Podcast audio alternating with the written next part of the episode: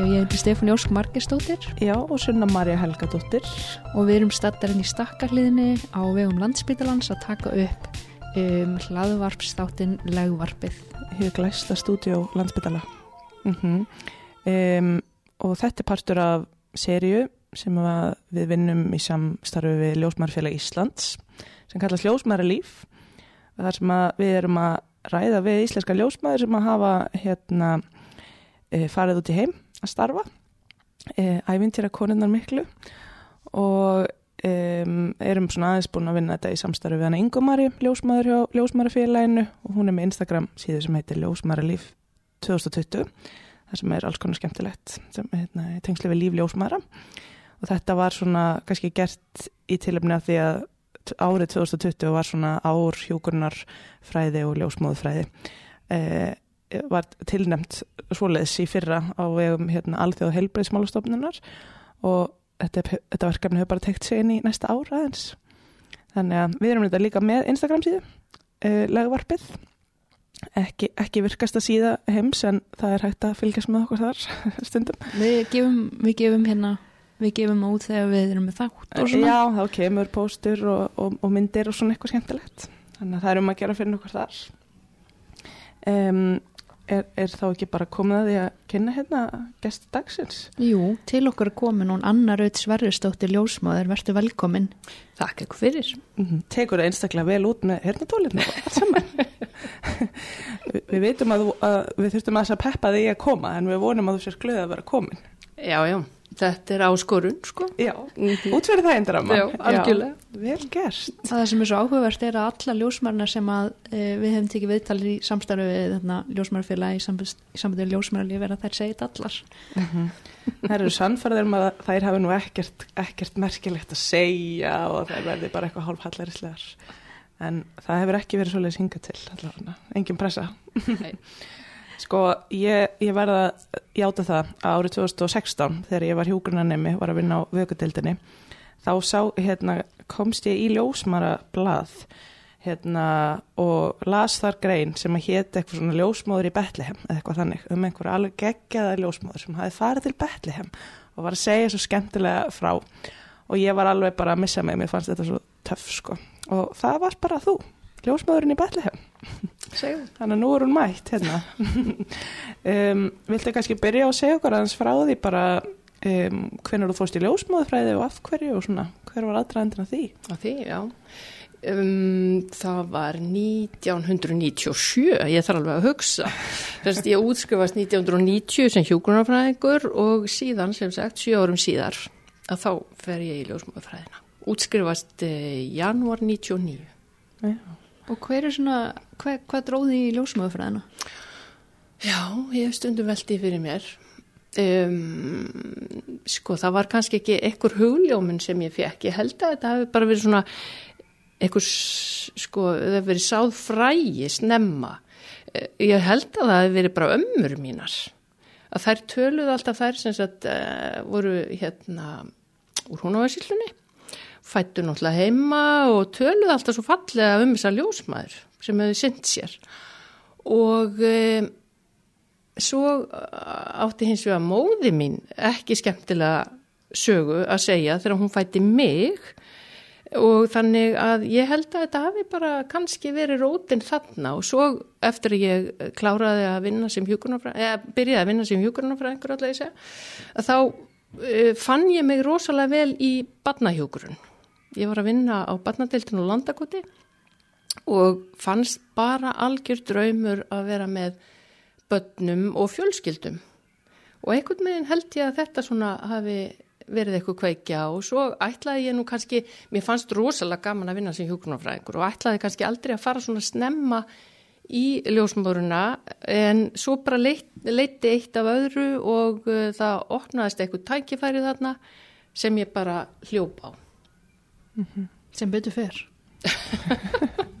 Já, ég er búin að vera virkilega um, ánægð í þessu starfi og það er engin dagur leiðilegur og það er engin dagur eins þannig að ég virkilega noti þess alltaf að mæti í vinnuna. Hvar starfaru í dag? Í dag er ég á landsbytalanum á kvennadildinni og er á göngudeild maðuravendar og hérna er svo sem búin að koma viða við. Mm Þú var svolítið lengi á Suðunisjunum.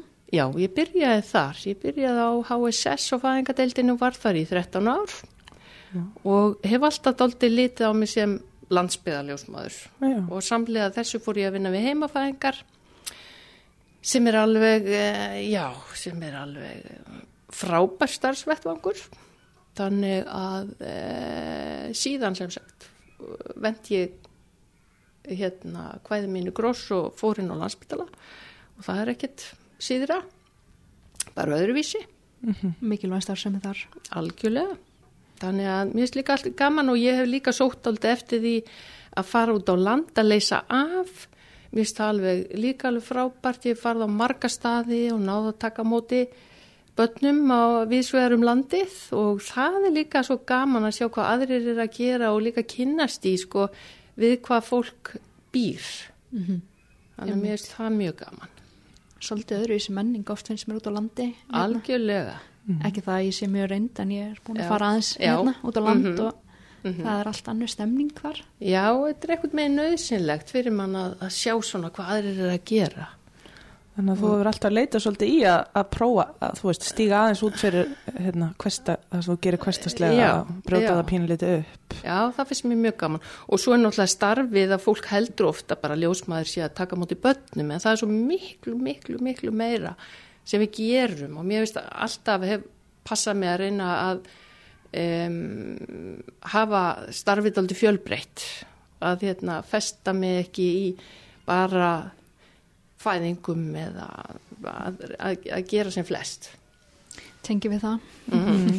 Og það er eins og starfið þetta á HSS þar sem þú varst svolítið lengið. Þar eru þið í öllur, það ekki, Jú, ljósmaðurnar. jú, jú, jú, jú. Það er meðgönguvendin og fæðingar sængulega. bara- Sængulega og bara ræstingar. Þar var maður bara að þrýfa eftir sig eftir fæðingar og þá var maður bara með tuskuna og, og skrúpinn og þannig að maður gekk í allt. Bara gera það sem það er að gera. Já, algjörlega. Já, það eru örugglega mjög dýrmætt reynsla.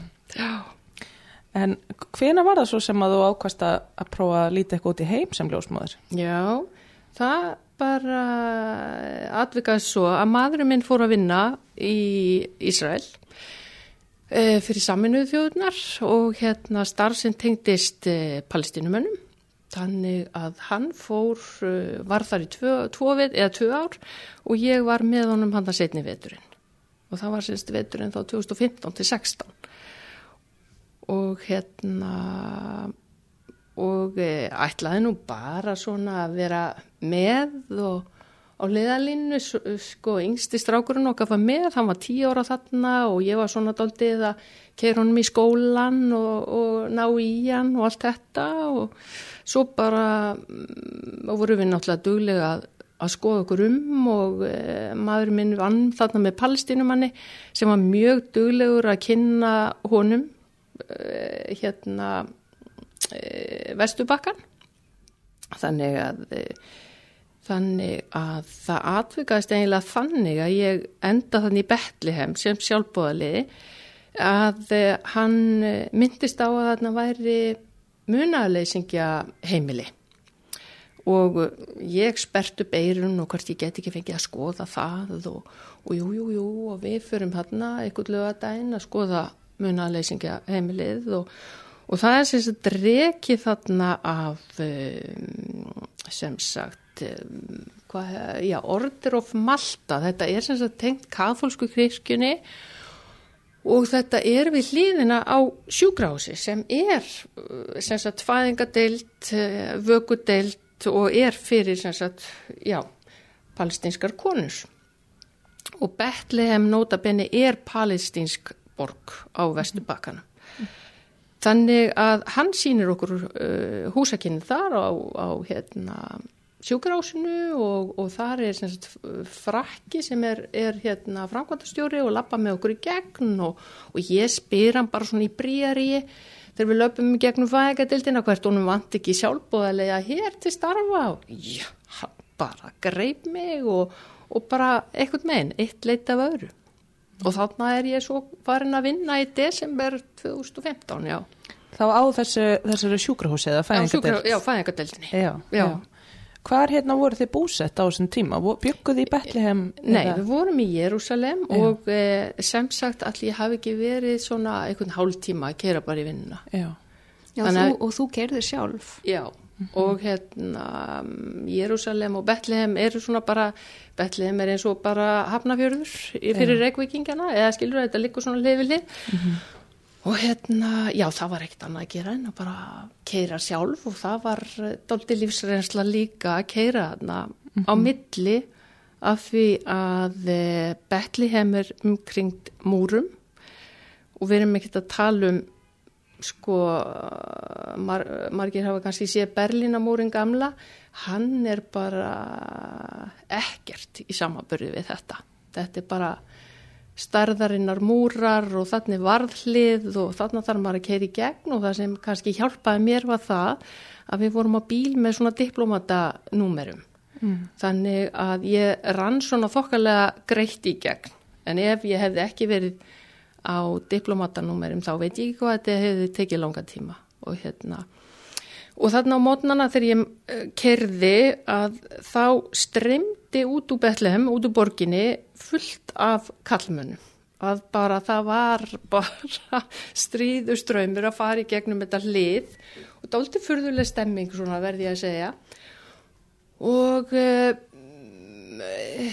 þeir voru þá að fara sagt, til vinnu og urðu að fara í gegnum hliðið og, og, hérna, og svo býðu þeir eftir að vera sóttir þarna hinnum einn og, og hérna, til þess að komast til vinnu í Jérúsalem og já, þannig að þetta, þetta var Og bara svona hermenn að stýra þessi þá eða hvað? Já, þá voru Ísraelarnir í, mm -hmm. í mhm. hliðinu og, og hérna og stýruðu þessu þannig að Svo litið frábröð því að taka kannski ellefuna upp á landsbytala eða rölda yfir á HSS já, eða eitthvað. Já, já, og svo kannski bá geta þess fyrst við erum farin að tala um þennan múr og þennan, þetta hlið sko og svo er þetta tóttið skóndið að e, fyrstu vaktina tek ég á förstu degi og förstu dagar eru svona frídagar hjá palestinumönnum og hérna og ég er að fara, þegar ég fer heima vaktinni að sko maðurum minn var búin að eiginlega kenna mér svona eina leið þannig gegnum borgina og að checkpointinu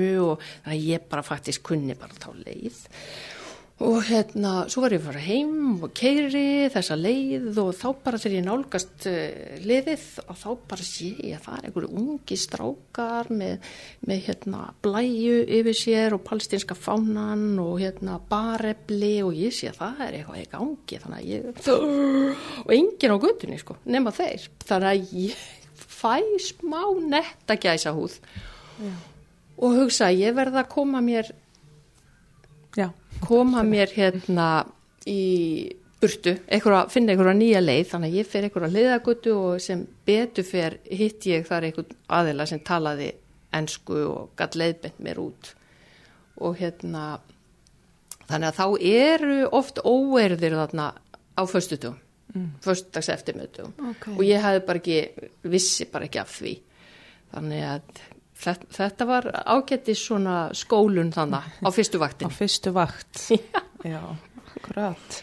En varst þú bara mætt, þú veist, til þess við ljósmaðurnar á vaktinni? Á vaktinni þannig, já, já sko þetta, þetta var allt svona doldið öðruvísi verði ég að segja. Mm. Og eins og ég segi, sko það var þessi framkvæmdastjóri sem réð mig og, og hérna og þetta er svona alltaf öðruvísi heldur en að þegar maður er að byrja á öðrum vinnustöðum þá er maður einhvern veginn svona bara leittur af yfirmannum daldið og, og eitthvað aðlun og maður er mjög ósáttur um að færa ekki hérna fjórar aðlunavaktir Já, og... já, en þarna var meira svona, ég veit ekki alveg hvernig það er uppliðið mig. Þar vissu bara að ég var þar vissu að ég bjá í Jérúsalem þar að nú örglað daldið stimpla mig sem bara svona einhverja svona konu sem þurfti kannski ekki að vera útivinnandi að ég væri svona kannski eitthvað svona fín frú hann í Jérúsalem og hérna hvað ég var eiginlega að gera og, og svona.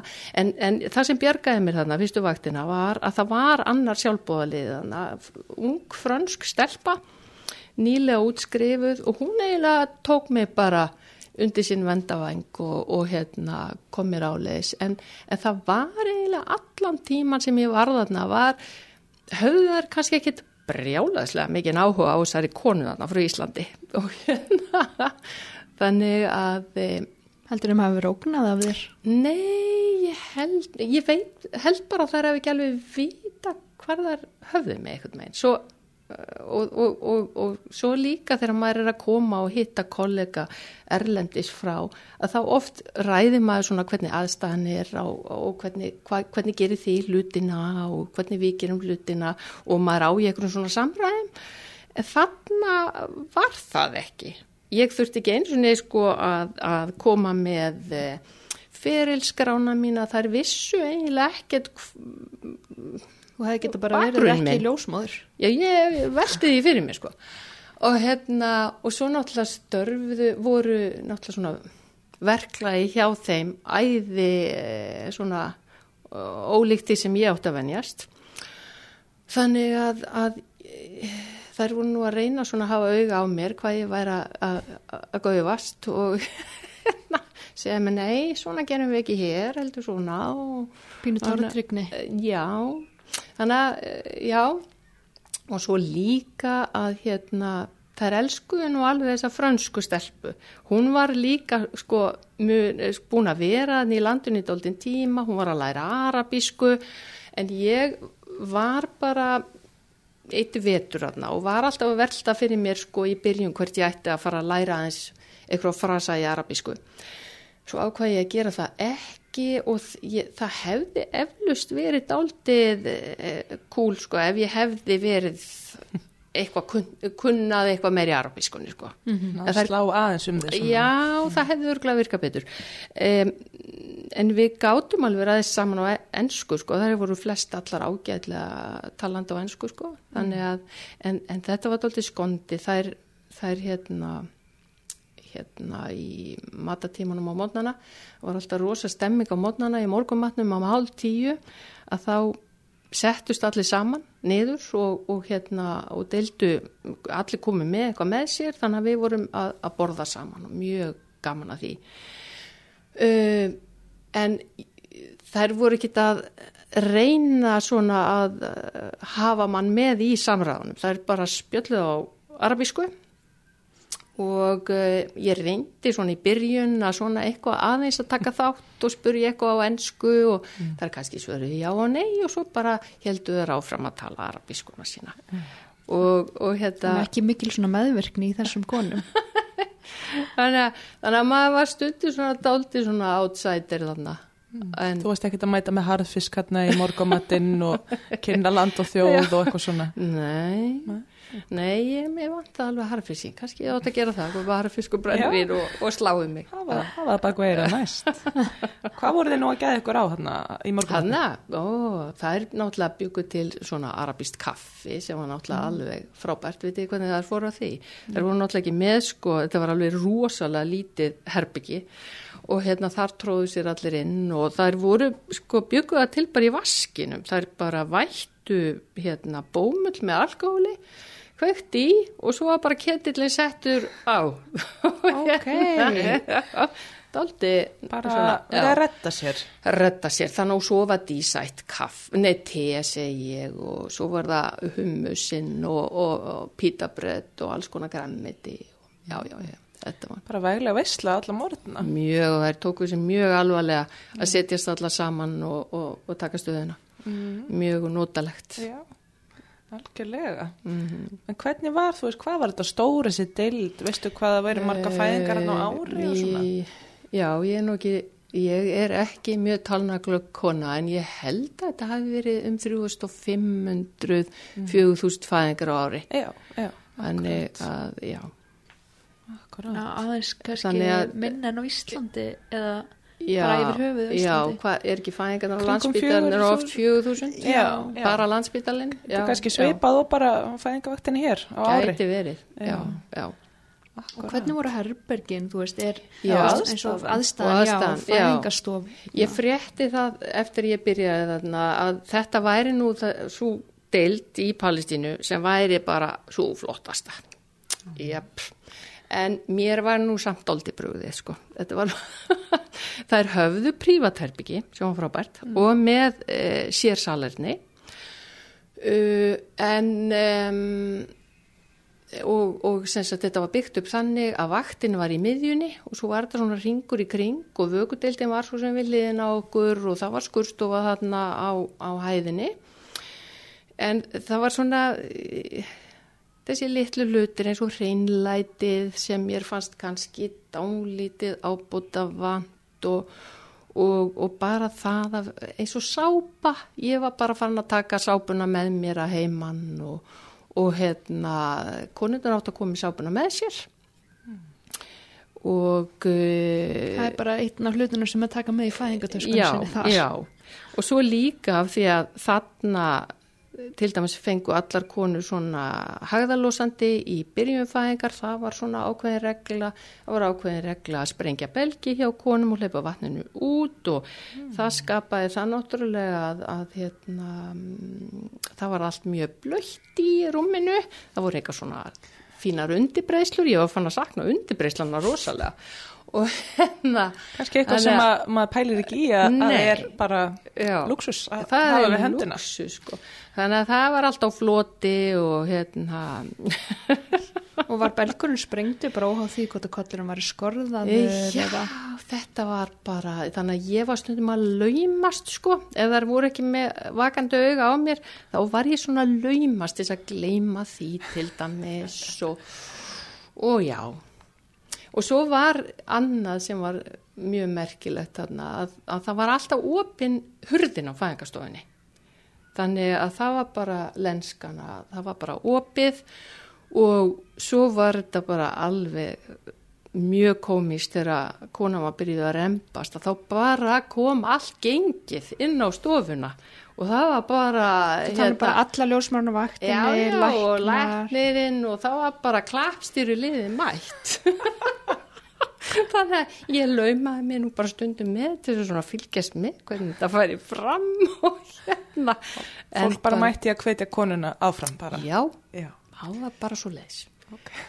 og, og svo fór ég nú að hérna, reyna að gera eins og maður er vanur að hafa lokaða hurðir og reyna svona að passa upp á prífasíin og komst nú oft upp með það.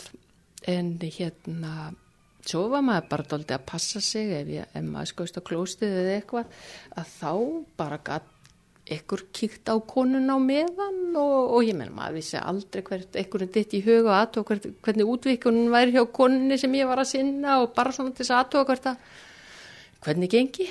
Já þannig að já, þetta var margt svona broslegt en svona, já, grátbroslegt kannski má segja já. Þetta er alltaf svona eiginlega akkurat anstæðan allt sem mústu bara að tala um veist það sem við lærum hérna á Íslandi og það sem við svona Akkurat. okkar gildi sem ljósmaður mm -hmm. hérna, við erum bara já. að loka hörðinni og hafa allt og, og, myna, og rólegt já, já. og svo mm -hmm. þú veist ef við veitum til þess að það er mögulega mikið fólki að koma þá er það bara einhver undurbúning sem við viljum fara í Úrst, gegnum með konunni hér. Það er að koma hérna fullt af fólki já, og einmitt, ekki vera rætt við erum bara já og svo bara liggur þeim ofta aldrei hátt rómur og eflust er arabískand aldrei eins og þegar fólk er að hlusta okkur tala íslen, íslenskuna sko að fólk heldur stundum að við séum að rýfast þegar við erum ekki að rýfast kannski. Mm. arabískan er kannski aldrei eins. Að hún er svona aldrei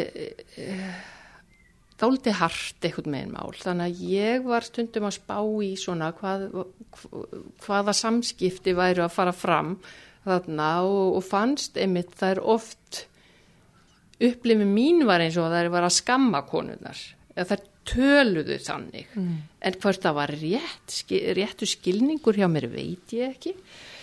En hérna En já, maður var stundin aldrei að spá í línu, eða sko lesa á að milli línana sko í samskiptum og, og svona. Og, og, og hvað var þar samskipti eins og mín við konurnar? Að það er sumar voru ennskumælandi en sumar voru bara ara, töluð ekkert nema arabísku. Og þá var það bara tákmálið og hérna og bara þetta eins og við gerum að hérna tala með höndunum meira mm -hmm. og, og líka þú veist með þessu að koma við fólk og, og allt þetta og það er nú annað kap, kapitúli þarna að því að, því að já að það er þetta með umhyggjuna að, að mér hefur alltaf í gegnum tíðina þótt umhyggja rosalega stór uh, faktor bæði í okkar starfi og svo sem hjúkunarfræðingur og snerting. Þetta var bara mér mjög erfitt aðna að horfa upp á það sem mér fannst mjög mikið umhyggjuleysi og um, lítið um snertingu, það var eiginlega bara ekki. Og ég fór að hugsa um svona í byrjun hvert þetta væri menningin, hvert að mér ég mætti leifa mér að snerta konuna eða hvort að það væri eitthvað bara tabú sko. Þannig ég fór svona smá að prófa mig áfram og fekk nú ekkert nema bara góð viðbröð og líka eins og bara í lokfæðingar eins og þegar maður er vanur hérna heima á Íslandi að bara fólk fellir tár og fellur í faðma og og maður er bara hluti orðina fjölskyldunni og ég bara var alveg gáttuð, þetta var bara ekki alveg stemmingin þarna. Þannig að en ég leifði mig það þegar ég var náttúrulega með konur og þær fættu hjá mér að, að gera bara eins og það sem ég var vöðin og ég gati ekkit annað. Og það var bara vel tekið í það. Þannig að þetta var, ég, ég næ ekki alveg þessum e, já.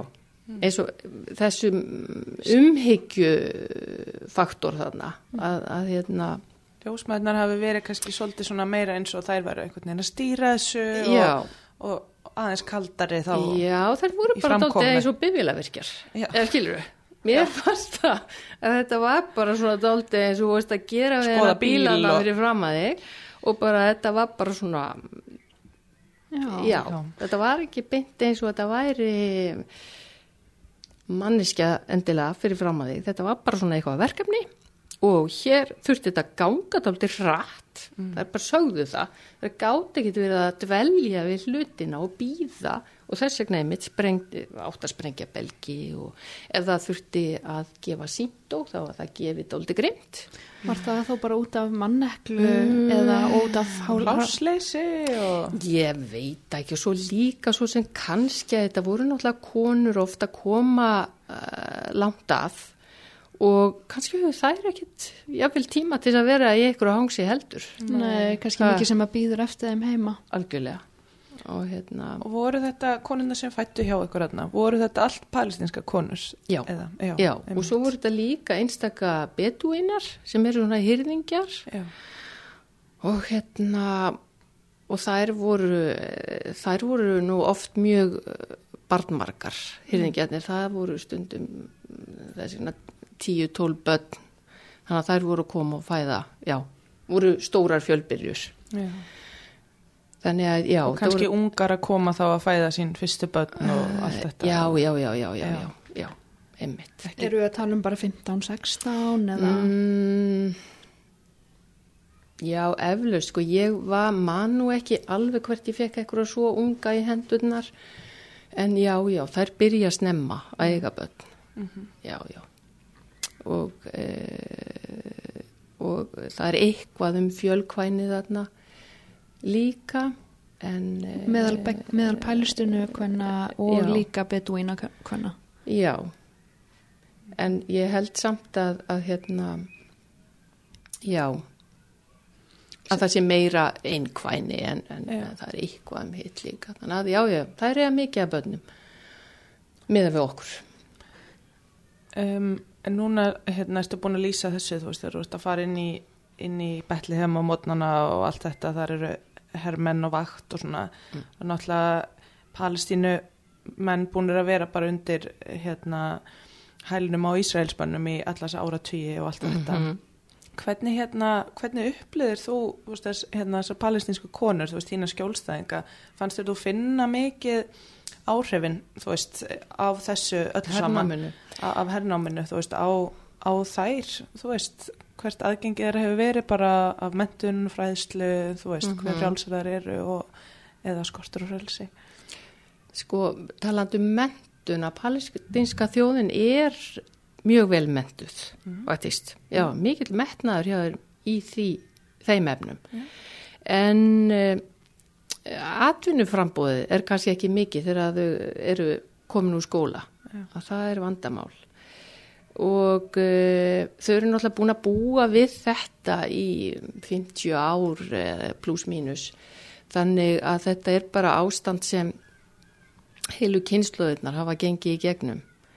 Þannig að uh, það er mikið segla í þeim rosalega segla en kannski eins og þetta sem ég er að lýsa þarna með, með upplifin mínu á umhyggin og annað ég hef líka veldi fyrir mér sko kannski er þetta hluti af vandanum að það er bara það, þetta ástand mm -hmm. sem fólk býri við og hérna það get, getur mark, markera fólk svona hark já, þetta er svona harkalegt og, og, og ég held eitthvað meginn í fávisku minni að það myndi eitthvað meginn ef maður sko, leiða til þess að maður myndi sína að ég vil meira, gefa meira af sér hvað mhm. var það umhyggju og svona en þannig var það bara akkurat í hina áttina þannig að Já. Þannig að ég reyndar ekki nóg mikil sálfræðingur til þess að, en ég hef svona mikið verið að velta þessu við mér. Já. Af því að þegar fólk býr við svona harðræði og svona, þá hefði maður haldið einhvern veginn að fólk myndi halda meira saman og, og, og, en kannski getur það verið líka bara, þetta eru stórar kannski fjölskyldur, stórar ættir og sem vilja halda frekar utanum sitt, sitt fólk. Mm -hmm. það, því kemur ekkit við þessi hinnarættirnir eða fatið mig að hérna að þú kannski, og, og þeir eru til dæmis mjög örlátir og þeir eru heima sækja alveg frábærir geskjafar og, og hérna vilja allt fyrir mann gera, ég, sko það er ekki málið, en, en kannski eru þeir bara svona doldið eh, að halda utanum sig og sína fjölskyldu og bara hinn er verið að bjarga sér veldi ég fyrir mig, nú er þetta bara vangaveldur eitthvað sem ég veit ekki sko. Kannski eiga nóg með sjálfa sig bara. Eiga nóg með sjálfa sig, já og það verða pælinga bara? Mm -hmm. já. Já. ég er svona pínu forveitin að vita hvernig er maður að venn táta þarna. Já, stórti spurt sko.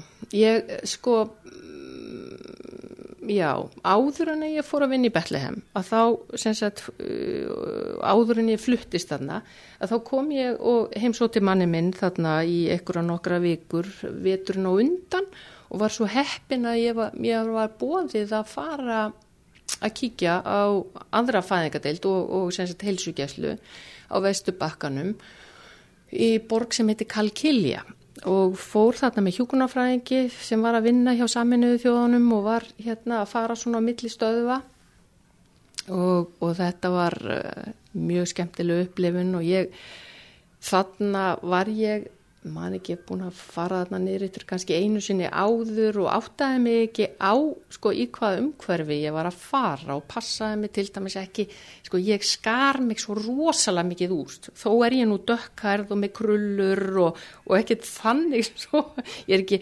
háljósarð og allt þetta. En, en, en ég var að fara inn í algjöra sko þetta var bara palestinsk borg og þarna kem ég og klæði mig líka doldið vestrænt og, og þannig að ég var alveg eins og uh, hvað segjum við? Alfur út úr hól? Alfur út úr hól þannig að ég sá bara alveg fullt af augum horfa á þessa konu og, uh, ja. en þetta var þetta er mjög fátækborg og hérna hafði verið mjög borgi miklum blóma áður meðan allt ekki lindi þarna niður frá. En nú var hún mikið fátagt þarna og, og, og kíkt inn á heilsugjæslun og það var alveg stappaða fólki og, og sem spurði ekki beint hvernig þessu væri þú veist, hvernig mm, þessu væri háttað hjá þeim. En ég kíkti þar líka eins á fæðingadildina hún var bara mjög fábrotinn og voru sem sagt tvö rúm hlið við hlið. Og aðstæða ljóðsmaðurinn að náttúrulega bara eitt skrippbor þetta var bara, ég veit ekki hvað er höfðu, það er alltaf þetta hafi ekki verið 30 fermetrar, mestalagi 40 sem voru fyrir þessa tvær fæðandi konur sem það gjóti haft og sína aðstöðu. Og það voru ansi marga fæðingar hana þegar ég fór að telja þetta, já þetta var nokkra fæðingar og dag held ég að meðaltali. Inn í þessu litla, litla rými. Tveimur rúmum. Já, já, akkurat. Var mikið af veikum konum aðna? Manst þú eftir einhverju sérstökum svona? Nei, ekki, ekki þegar þeir voru að koma í fæðingu til okkar. Nei, ég get nú ekki sagt það. Það hefur verið mikið sem ég sá. Nei, Það er bara að koma og fættu. já, já. Og, og auðvitað var ég náttúrulega ekki mjög lengi. Ég var þarna í fimm mánuði og kom kannski eins og tvisar í viku á vakt. Þannig ég var náttúrulega óttalega pundudúka sko og, og, og hérna. Litin hornega. Það er að, já. Það er hljóta að vinna mikið þessar ljósmaður hérna á vaktinni. já, mér skilst það, það þetta, eru, eh, þetta eru langar lótur og, og vaktalótur og, og, og bara kannski dáliti útbrunnar sko geti verið að, að það sé dáliti vandamál sko mm. Það kannski spilar inn í hérna um leysið. Já, akkurat, akkurat En hérna, mér langaði líka að spyrja þig, hvernig, hérna, varstu mikið svona vör við hvernig trú spilar inn í hérna daglegt líf hjá mm Mhm. skjólstæðingunum, við erum að núti og, og samstarfsfólki? Já, sko, eh, sko Betlehem er tóltið Kristinborg. Það er mikið af kristnum palestinumönnum sem búa þar. e, Á ekki Jésúbarni sjálft að Jú, hafa fæst jú. þarna á sínum jú, tíma? jú, 800 metra frá, frá spítalónu sem ég var ná. Svolítið svona dramatist að fá að taka móti börnum þarna alveg bara, Já, Næstan þetta nágrenni. var dáltið heilagt. já. Þetta var dálítið, dálítið upplifun. Mm. og sko mm, þ- sko aðstandendur kvennana sem voru mjög gjarnan mæður þeirra eða tengdamæður þær báðu mikið Í fæðingunni. í fæðingunni já. og hérna þær voru eh, kyrja, eða sem sagt sungudóldi bænirnar í fæðingunni og það virkaði virkilega róandi á mig. Það var rosalega þægilegt að hlusta á það mitt í öllum háaðanum þarna sem ótskatt fyrir. Að þá var það mjög þægilegt. Já, já, já, þannig að þær, þær voru að byggja og, og, og, mm, og flestar voru nútaldi sko passívar. Það er líka sko, það, er, eh, það var ein og ein svona sem eh, var virkilega að knúsa dóttur sína eða teinda dóttur en, en flestar voru bara daldi passívar en, en sem sagt, orkan fór í það að, að, að byggja Já. Akkurat. Og hvernig er svona hefbundin fæðandi palestinskona? Já, þú meinar það sko, þetta var náttúrulega allt aldrei, þær gáttu kannski ekki beint verið þær sjálfar eins og við erum kannski hér að reyna að ebla þær í að vera bara aldrei þær sjálfar þarna var þetta allt svona bara protokollin hér var að gera þetta og þetta og þetta og þær áttu helst aldrei að vera bara þarna í þessu rúmi þessu blöyta rúmi og Bara hlusta á ljósmáruna. Já, og daldið í síriti. Svo það væri nú algjörlega 100% klárt að það væri nú eitthvað að gerast í þessu leiði, einhverja hriðar og hérna, þannig að þær uh, kannski gáttu nú ekki beint verið á, þarna á eigin fórsendum. Það var meira svona daldið, Mikil forraði sig ekki já, já, það var það. Það eru kannski Að ekki mikið á jókaboltanum eða í einhverjum kunstum. Nei, og ef þær feng, fengu mænurrótadefingu sko, þá var bara alveg forbútt að fara með þær eitthvað fram úr sko. þannig ég man einhvern tíman var ég að lauma einni inn á klósett. Við áttum að tapa af þeim náttúrulega bara svæðinu. Þannig ég gæti laumað einni inn á klósett og, hérna, og, og látið hann að sitja dólti þar. Og einstakasinnum var ég að- lauma þeim inn á einmitt klósti bara til þess að þær færu í almennilega set stöðu Fá þingdaraflið aðeins með já, ykkur. já, og einmitt og reyfa sig eitthvað aðeins en hérna það var gott að engi sá til mín sko þegar, þegar ég var að þessu bröldi Varst einhvern tímann skömmuð? Varst einhvern tímann gripin glóðvolk? og skömmuð. Já, ég fekk svona alveg ábendingar þetta væri nú ekki eins og við gerðum hlutina hér og, og svona. En þú nefnir mænróta deyfingu. Mm. Hvað meira var í bóðið þarna til verkestillingar fyrir konuna? Uh, jú, svo voru þær með uh, intramuskulart verkjalif þarna sem þeir notuðu og, og sko mænróta deyfingin kostaði náttúrulega. Mm. Þannig að eiginlega var þetta ekki beint konan sem ákvaða að fá deyfinguna heldur þurfti hún að fá leifi hjá bóndanum til þess að, að Var þá hritt bara eða? Já, ef hann var ekki á svæðinu, já, þú meinar, já, já, hann var nú stundum uh, í, þarna í þessum tilveikum sem ég varð vittni að, að einu sinni þurfti ég alveg að selja deyfinguna, eh, selja eiginmanninum deyfinguna því að ég taldi það að vera ákjósanlegt fyrir þá konu, en hann var þá þarna á svæðinu. Mm -hmm, mm -hmm. Þannig að, en, en þeir, þetta var eiginlega í þeirra doldið. Það er alltaf hérna rúslega erfitt að þurfa að gera þetta þegar að síðan er alltaf belgjarof og notið mjög mikið synd Synd og akkurat. Það sem að ég bara fyrir svona hérna, leikmann þá er það miklu hardari hríðar og það er erfæra fyrir líkamann sjálfan að verka stilla sig. Jú, jú, ávísun á mæn rótaði mig. Já, einmitt. Algjörlega. Já. Sérstaklega með fyrsta barn og, og allt já, þetta. Já. já, og líka eins og, eins og þetta talandum jókaboltan sem fannst nú ekki þarna og þetta líka, þú veist að maður, það var ekkit hefð að vera eitthvað að nutta þær eða, eða gera eitthvað. Já, maður kan bara pressa hann og við erum í baðinu með gladloft og allt þetta. Við tölum nú ekki um það. Var gladloft? Eh, já, talandum gladloft. Já, með minni nú að við hefum getað nota gladloft en þú spyrð, nú er ég bara búin að gleyma já, ég held það. Og það er hafa fætt svolítið bara svona eins og klassísku stelling á bakkinu eða í stóðum já, og allar frumbyrjur kliftar. Mm, okay. þannig að það var ræðilegt þegar ég glemdi því og Þú var svolítið svona að gleima bara hinn og þessu. Ræðilegt þú glemdir því hún fekk fyrsta gráðröfu. Já. Eða enga. Já, akkurat. En fjölburutna voru nú frekar látnar í friði. Já, já ok. Akkurat. Já. já, já, já. Það var alls konar. Hvernig var fyrir þig þetta að vera kannski, að þurfa, þurfa að vera svolítið í verklagi sem að þú kannski varst bara hreinlega á móti, móti og köplum og svona? Já, það var alveg doldi stuðandi. Já. Mjög svo. Þannig að þess vegna reyndi ég að læðast með veggjum og loka hurðum og sjá hvað ég kemst látt með það. að vinna svona aðeins eftir þínu nefi svona eins og hægt já, var já. í, aðstafanum. Akkurat, akkurat. Já. Þannig að ég reyndi hvað ég gat. Já, það er mjög erfitt að gera eitthvað sem er algjörlega á skjön við það sem þú mm -hmm.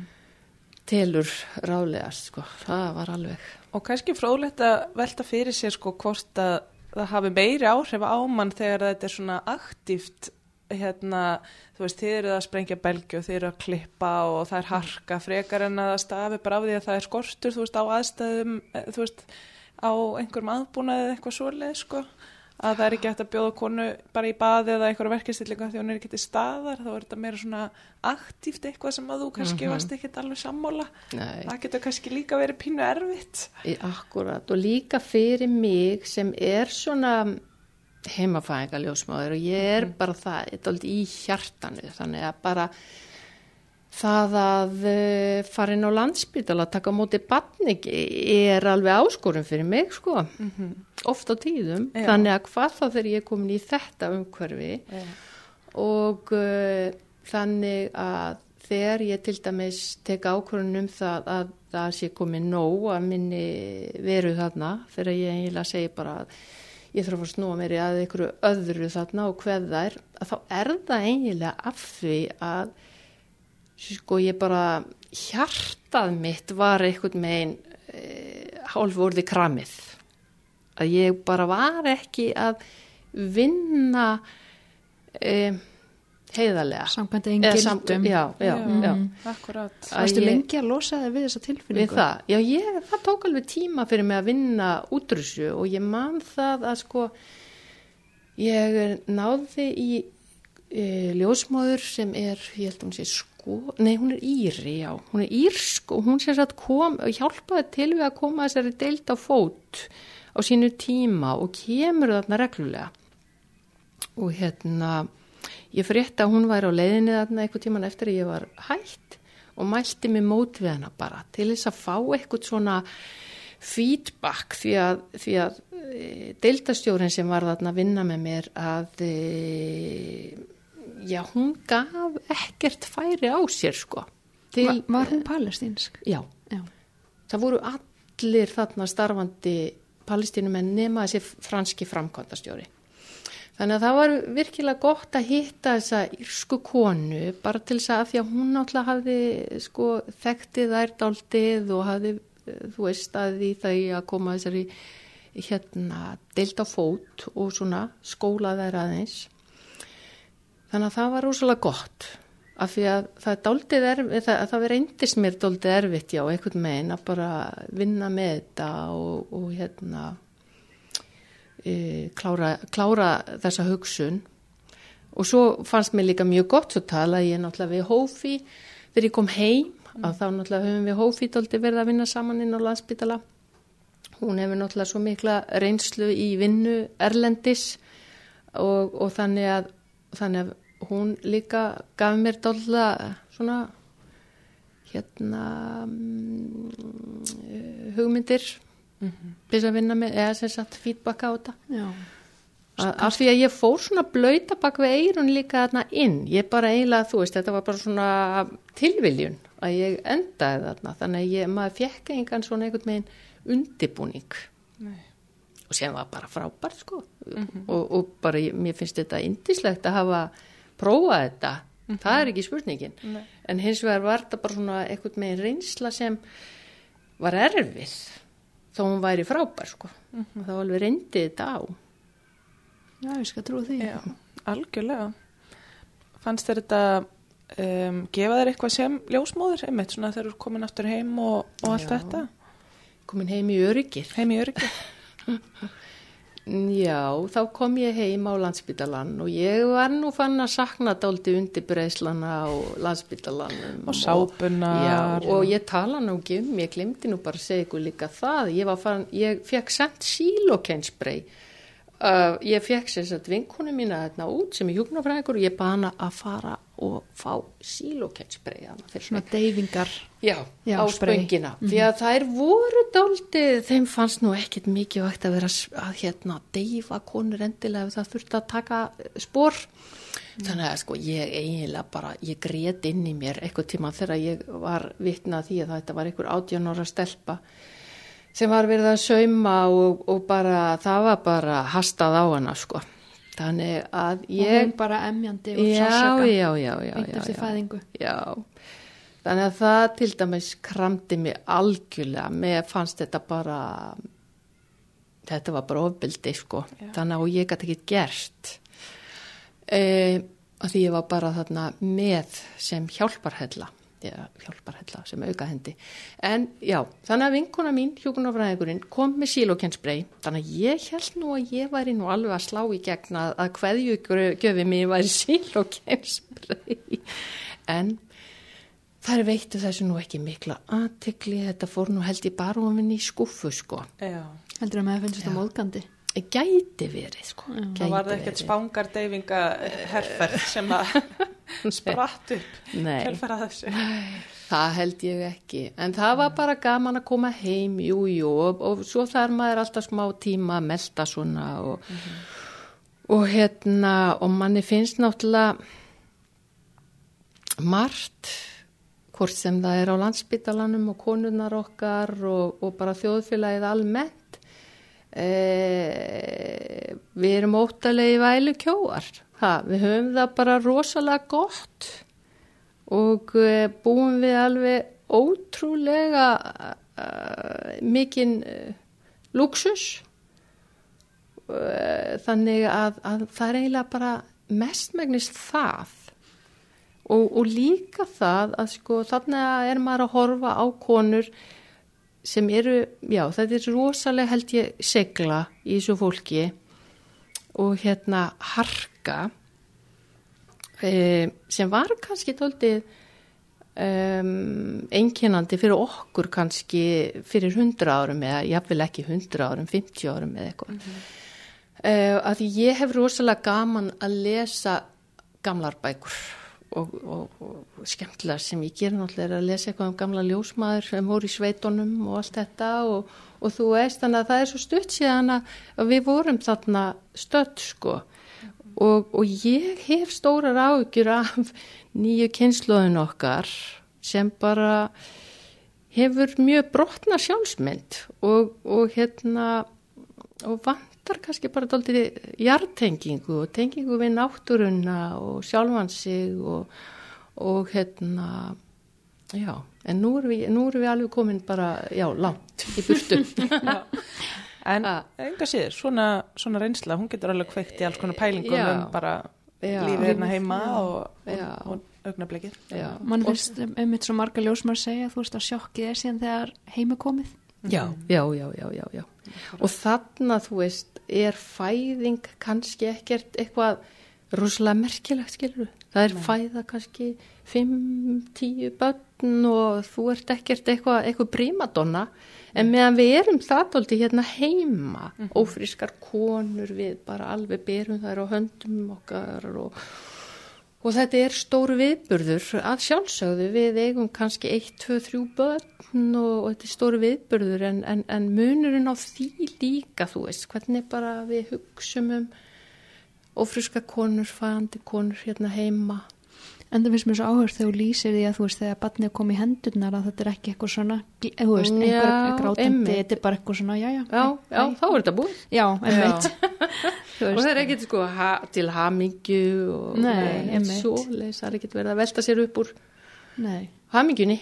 Nei. Mér finnst þetta eitt áherslu að smurjað úti af því að þú ert hérna búin að lýsa því að þú veist að það er fólk að koma inn og mögulega bara skoðar útvikun, það er belgjarof, það er synd og öll svona mjög mikið yngrippum mm -hmm. og lítið hreinlæti. Varandi sænguleguna er, er þú veist meirum batsfarasótt eða uh, já, og hvernig það, er sængulegan yfir höfuð þarna? Já, það er... Það, það er liggja þarna á sæng uh, hver lengi nú bara manni ég það ekki mitt að því ég var ekki beint þar ég bara fylgdi þeim niður mm. um, þannig ég eiginlega þóru ekki alveg að tjá mig um það mm -hmm. Mm -hmm. hvernig þeim málum er átað en það er náttúrulega með, e, sko ungbarnadöð er náttúrulega meirið þarna -hmm. já, já, já, já, já, já og svo er náttúrulega líka það að, að konur þurfa að þegar þær eru að koma í fæðingu og að þá eru þær kannski að fara í gegnum eitthvað checkpoints og, og, hérna, og tekur þær óheimju tíma Er það bara gegnum rútu, er það fótgangandi? Eða? Mm, já, eða enga bíl, ég er bara eftir því emitt hvernig Hver stafstjætt konan til er það kannski? Stað, já, hvernig, hvernig aðstæðu þeirra eru En, en svo á frétti það til dæmis á, þú veist, á þessum tímum, átakatímum að, að þá að, voru konur jáfnvel að fæða þegar það byðu í checkpointunum, sko. Mm. Að, og hérna, já, þannig að það er alls konar. Ég er ekki að segja að það sé daglegt brauð, en ég menna sérstaklega ef það eru mjög tens tímar þarna, að þá, þá var, þú veist, þá var, maður gætt beðið eins og ég segi, ég lendi mjög sjaldan í því að því ég var svo mikið forritinda eh, damaðna að ég var á þessum númerum. En fólk var að býða í sumum hliðunum í nokkra klökutíma sko. Já Já. Við veitum það nú ef að kona er að fæða kannski ymitt eins og þú sagðir í 3, 4, 5 pluss pluss sinn að það er ofta ekkert nokkri tímar sem hún hefur til að koma sér áfangastað. Akkurat, þannig að já, þær voru ofta að koma eins og konur, uh, þú veist þetta átti kannski að vera hálf tíma leið mm -hmm. en var kannski bara tveir tímar að því að þú veist allt þetta já. vesen að koma sér. Og ég er ekki gífurlega fjöldi hvenna þarna sem bara tilhör hennilega flóttamannabúðum eða... Jú, það eru ennþá skilgreindar náttúrulega flóttamannabúðir þarna mm. í ávestubakkanum og þarna bara í betli hefur tvær flóttamannabúðir. En þá er þetta kannski öðruvísi heldur en við uh, hugsum okkur flottamannabúðir, við sjáum þetta fyrir okkur í einhverjum tjöldum og, já, og hérna, já, en þarna er þetta náttúrulega, ég vann til dæmis með einni ljósmáð sem bjó í einum af þessum flottamannabúðum, ung stelpa, og þá er þetta meira að hérna, þá er þetta bara mm, lítil húsakinni, mjög þjætt og, og hérna og þau hafa kannski búið þarna kynslu fram að kynsloð. En kannski þá bara eiga samilegt íbúðanir að, að hafa, hafa þurft að yfirgefa Já, sín fyrir húsakinni. Fyrir þú Já, eitthvað tíman, eh, þú veist, að og amma hafa þess Já, vegna þurft að flýja. út af þessum Já. átökum öllum. Og. Og þessa konu fæða hjá ykkur. Já, Já. Já, mm. akkurat. Þannig að, einmitt, þetta eru kannski í grunninn ekki konur sem að þekkja allan það lúksu sem að við teljum bara sjálfsagt. nei, nei, nei, nei, nei. Og þarna í flótamannabúðunum að var, var maður að heyra að þú veist eh, að hermennir voru oft eh, bara að, að ángra fólk, það var að koma að nóttu til inn í, inn í hérna inn í hverfið með látum skilur bara til að vekja fólk og banka á hurðar og glugga og með vesen sko bara til þess að vera bara að eh, trubla og með leiðindi og, og hérna og svo eh, ég lappaði nú inn í þannig að Deisha Camp sem er, sem er eh, önnu, að, aðra flótamannabúðunar í Betlehem einu sinni.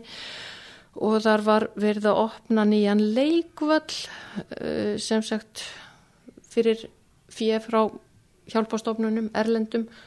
Og hérna leikvöllurinn var búin að vera starfræktur í einhver tíma og það var svona net yfir vellinum.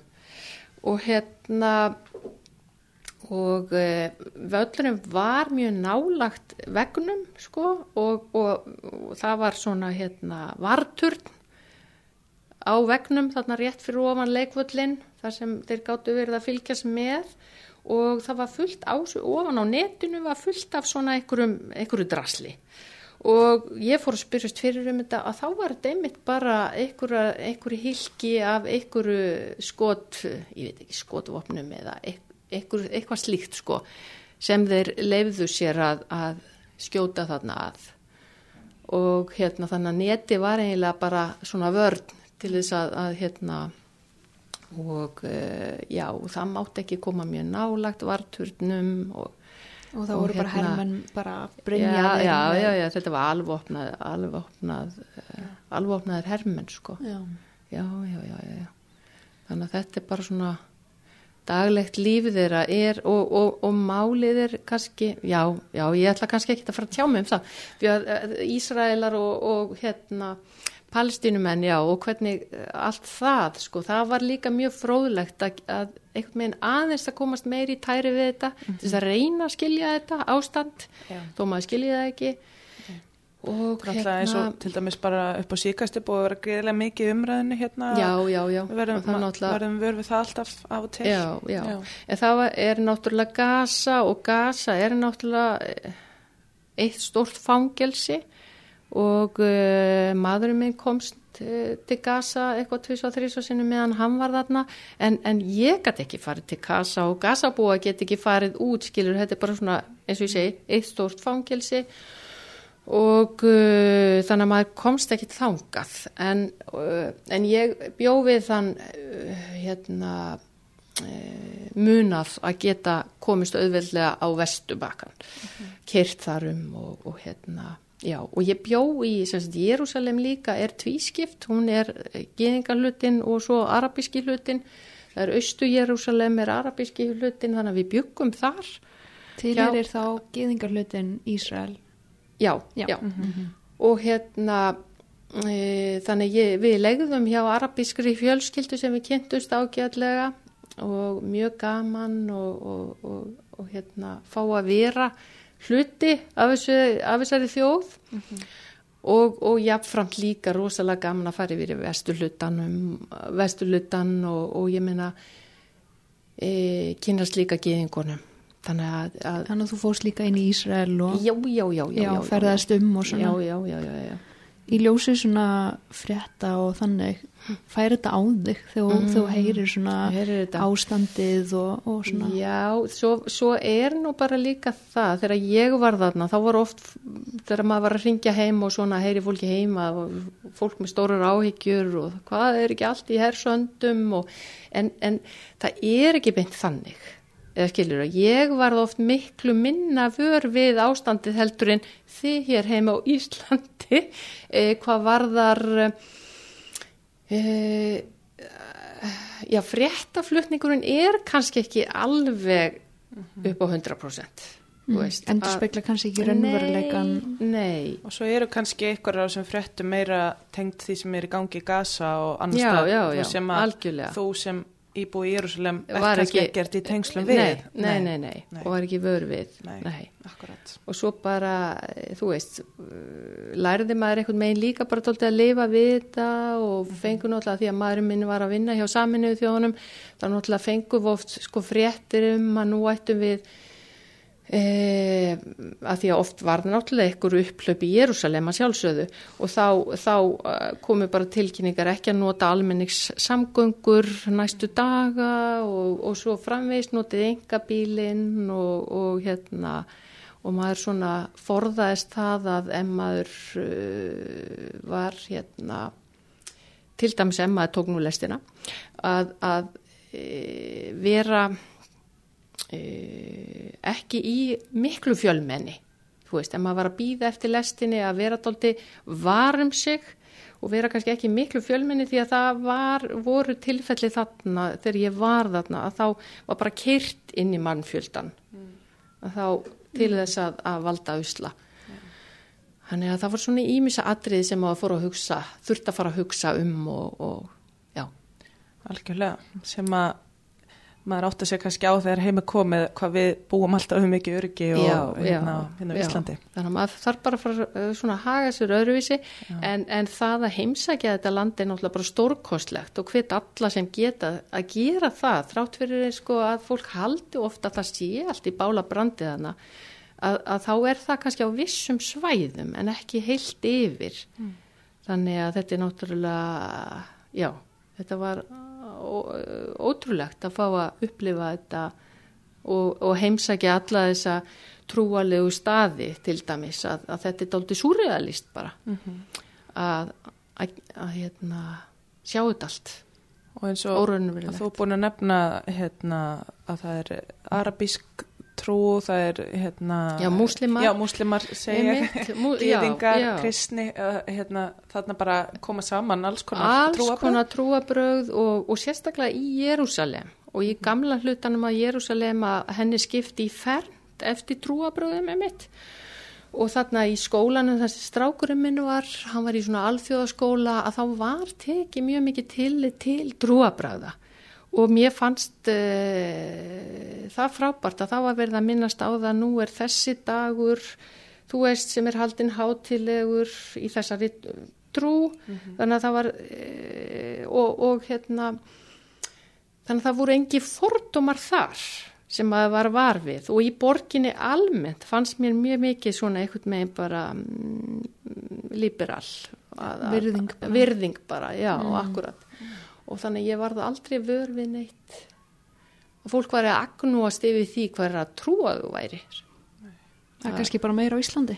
Já, ég held nefnilega ég, þetta er það sem ég hef líka verið að pæla dóltið í að við sem kristin þjóð erum alltaf einhvern megin að afsaka okkur finnst mér dóltið fyrir því að, að, að við þurfum að taka bera virðingu fyrir þessu og hinu og, og hérna þetta megi ekki og hitt megi ekki af því að þá séum við eitthvað að, að, að styggja aðra trúarhópa en, en En ég held að við verðum bara... Við erum kannski ofta til að ákvæða það bara fyrir hönd Já. fólk sem að til er ákvörðum trúarhópur. trúarhópum. Já, akkurat. Í staðin fyrir það bara að halda í okkar og svo bara aðlöfum við hvort öðru.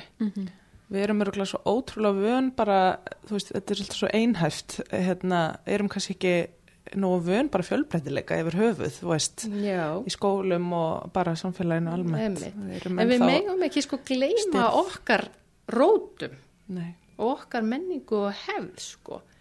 og, og, og við getum öll miskusti fannst mér ég læra það þarna við, það er alveg rými fyrir þetta allt mm -hmm. ha, það þarf bara smá skilning. Algjörlega. Algjörlega. Er eitthvað svona sem að þú vilt bæta við að lókum, eitthvað sem að við eigum eftir að Bara- um? Mm, ég held við höfum bara nokkuð farið í gegnum þetta Brenna inn um einhverja góða sögur. nóg af þeim alltaf algjörlega Langar að fara aftur út?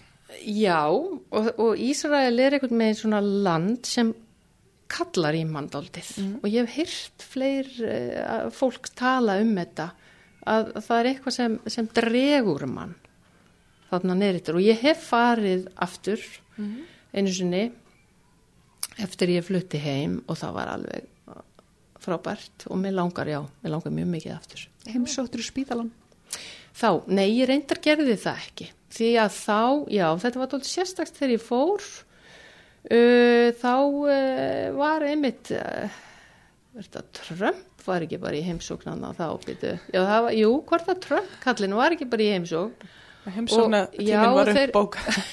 Þannig að, að hérna, þeir voru að opna, Amerikanin var að opna sendir á því Jérúsalem, þetta var eitthvað rosa mál, þannig að þeir lokuðu bara, þú veist, eh, ég komst ekki til Tel Aviv eins og ég ætlaði, því þeir lokuðu bara borgunum, sko, Já.